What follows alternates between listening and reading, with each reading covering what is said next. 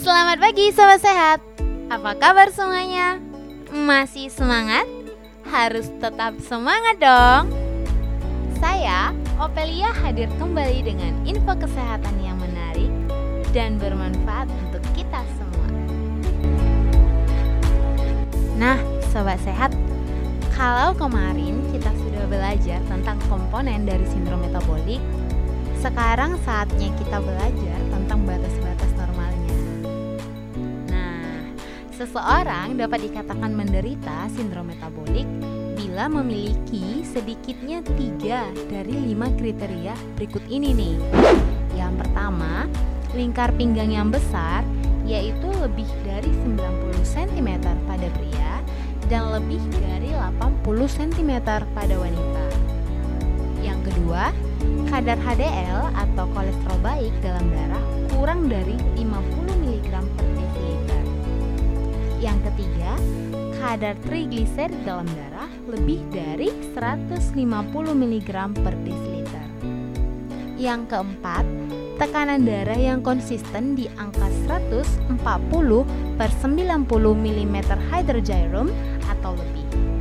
Yang terakhir, kadar gula darah puasa 100 mg per desiliter atau bisa lebih tinggi. Terus gimana kalau kita terdiagnosis metabolic syndrome? Cara pertama untuk mengatasi sindrom metabolik adalah dengan menjalani gaya hidup sehat. Sobat sehat pasti sudah tahu kan contoh-contoh hidup sehat? Misalnya dengan ini nih, berolahraga secara rutin, minimal 30 menit aja deh setiap hari. Sebenarnya tidak hanya olahraga yang kita bayangkan seperti berenang, main basket, atau main futsal saja loh. Semua aktivitas fisik yang kita lakukan itu juga bermanfaat kok. Misalnya kita bisa berangkat ke kantor dengan bersepeda atau memilih menggunakan tangga daripada menggunakan lift. Nah, setelah itu kita juga harus memiliki berat badan ideal. Tapi berat badan ideal yang dimaksud di sini bukan dengan diet-diet atau konsumsi obat-obatan yang belum terbukti ya.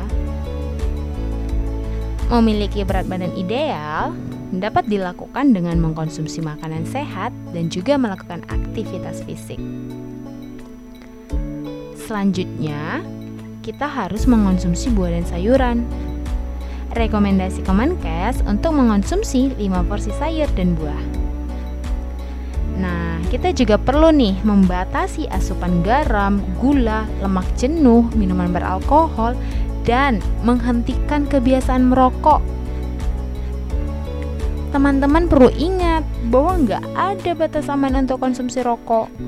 Jadi jangan percaya misalnya ada yang bilang merokok dikit nggak apa-apa, hari ini merokok, besok nggak merokok, sampai sama lamanya juga nggak apa-apa kok. Tidak ya teman-teman. Bahkan terkena asap rokok saja sudah berbahaya buat kita loh. Seandainya sobat sehat nggak percaya, coba deh sesekali jika merokok. Letakkan telapak tangan ke mulut, kemudian keluarkan asap seperti biasanya pada saat merokok. Kemudian lihat, pasti telapak tangannya terdapat noda berwarna orange kecoklatan. Nah, seperti itulah keadaan paru-paru perokok apalagi yang sudah lama merokok. Bisa bayangin kan sobat sehat gimana warna paru-parunya. Jadi segera dihentikan ya.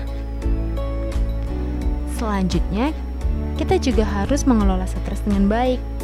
Saat kita stres, maka reaksi tubuh kita akan mengarah pada kondisi yang dapat memicu penyakit kardiovaskular loh.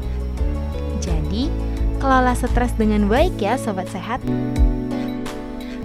Nah, karena sindrom metabolik merupakan suatu kelompok penyakit, maka pengobatannya adalah dengan mengobati masing-masing penyakit tersebut. Jadi, selalu konsultasikan kondisi kita ke profesional ya.